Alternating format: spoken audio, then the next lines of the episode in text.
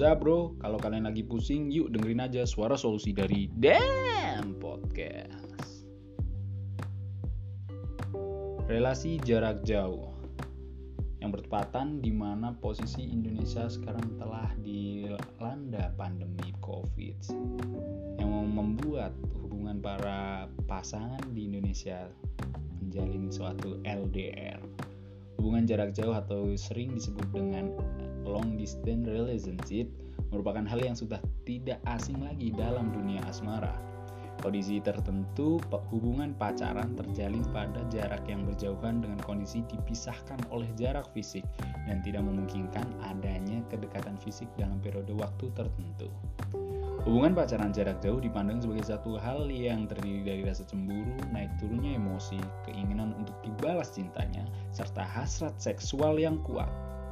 Hal yang menyebabkan suatu pasangan terjebak pada kondisi LDR ini adalah faktor pendidikan dan faktor pekerjaan. Udah valid nih 90% dari pasangan pasti terjebak di kondisi ini karena kedua faktor itu.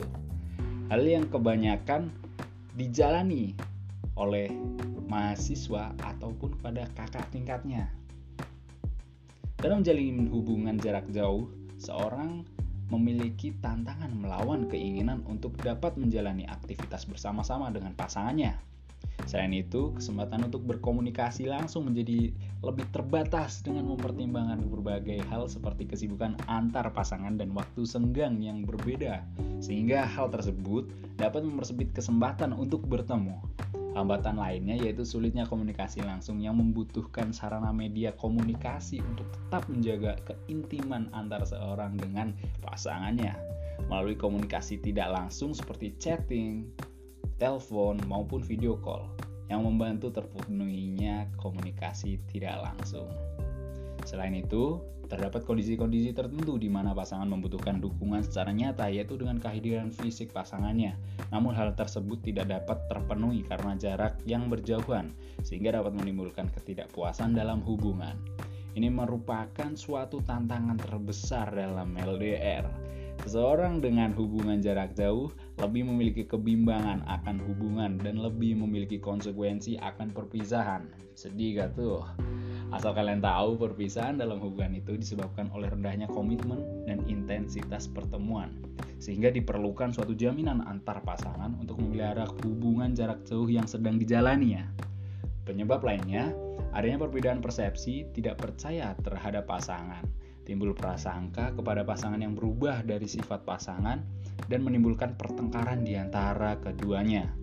Selain itu, Pasangan yang enggak pengertian dan tahu kondisi di mana satu sama lain sedang dalam kondisi seperti apa, mungkin membutuhkan dukungan di satu momen ataupun butuh momen serius dalam mendengarkan satu sama lain.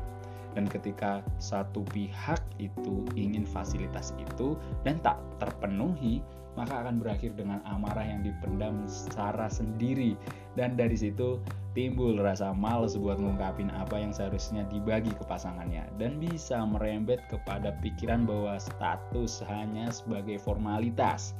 Dan kalau udah masuk tahap ini nih, udah masuk udah termasuk toxic relationship namanya. Dalam hubungan jarak jauh, dibutuhkan kepercayaan dan komitmen agar hubungan yang dijalani dapat berhasil dan bertahan dalam jangka waktu yang lama. Ikatan emosional yang terjadi dalam pasangan itu sering disebut dengan attachment. Dengan mengedepankan ikatan perasaan yang telah mencapai suatu kedekatan yang lebih kepada keluarga atau disebut juga dengan adult attachment. Hubungan dengan adult attachment styles cenderung bertahan lebih lama karena dia sadar kalau mau melakukan apa pun pasti selalu kepikiran dengan pasangannya sehingga tetap terjaganya suatu hubungan itu. Faktor keluarga juga sangat berpengaruh sih. Jika seseorang menghayati bahwa orang tuanya adalah figur yang dekat dengannya, penuh kasih sayang dan perhatian, maka pada masa dewasa ini ia akan menghayati bahwa pasangannya adalah figur yang penuh kasih sayang dan dekat dengannya. Pengalaman yang positif akan membangun keyakinan bahwa seseorang merasakan dirinya layak untuk dicintai dan merasa bahwa pasangannya adalah orang yang baik dan layak untuk dicintai juga. Bener kan? Bener pasti ini kalau pernyataan-pernyataan seperti ini nih. Kebanyakan dalam menjalin hubungan pacaran pada umur 20 tahun ke atas, pasti sudah berada pada tahap steady dating, yaitu hubungan romantis yang lebih mengarah pada keseriusan di mana hubungan dengan pasangannya akan lebih rutin memenuhi kebutuhan bersama dan menjalani aktivitas bersama-sama. Jujur, terhadap segala hal juga menjadi penguat dalam hubungan asmara itu sendiri entah itu kadang menyinggung pasangan atau tentang kehidupan kita yang dianggap jelek oleh kita sendiri pun memberikan suatu pemikiran kalau gue sebagai pacar dipercaya nih dengan dia mau mengungkapkan segala hal tentang dirinya. Meskipun itu buruk dari situ dianya juga pasti berharap pemberian solusi atas hal yang diceritakan dan menjadi hubungan timbal balik antara satu dan lainnya Next solution for this relation yaitu bagaimana kalian menyempatkan memberi kabar meskipun cuma sepatah dua patah kata aja. Itu udah berarti bagi hubungan itu dan menyempatkan bertatap muka maupun hanya sekedar via suara ataupun via fit call. Karena dari situ tetap terjalin hubungan secara intim antar pasangan. Kesempatan ini pas banget buat kalian untuk mengutarakan perasaan yang kalian rasakan ketika menjalani LDR semua ungkapan yang lebay dan bahkan ketika kalian udah nggak ada rasa malu-malu lagi nih pasti akan timbul perasaan lega kalau udah teleponan ataupun VC-an banyak juga sih manfaat LDR kalau hubungannya itu definisi satu sama lain saling menjaga pasti akan lebih menghargai pentingnya komunikasi. Terkadang ikatan batin juga sangat kuat dan jadi tahu menahu masalah jadwal antar pasangan. Ada suatu ungkapan nih yang sangat terngiang-ngiang di kepala gue tentang LDR yaitu LDR akan menjadi suatu hubungan sebagai penawar bosan dan penguat rindu Pernyataan ini pasti akan memberikan semangat lagi dalam menjalankan hubungan LDR dan bahkan bisa menjadi pedoman bagi pasangan-pasangan yang sekarang tengah menjalani hubungan LDR. Bagi kalian-kalian yang menjalani hubungan LDR, apalagi sekarang lagi masa pandemik nih, yang disertai pemberlakuan PPKM, semoga dengan adanya pembahasan ini bisa menjadikan pandangan dan solusi untuk tetap stay di hubungan kalian.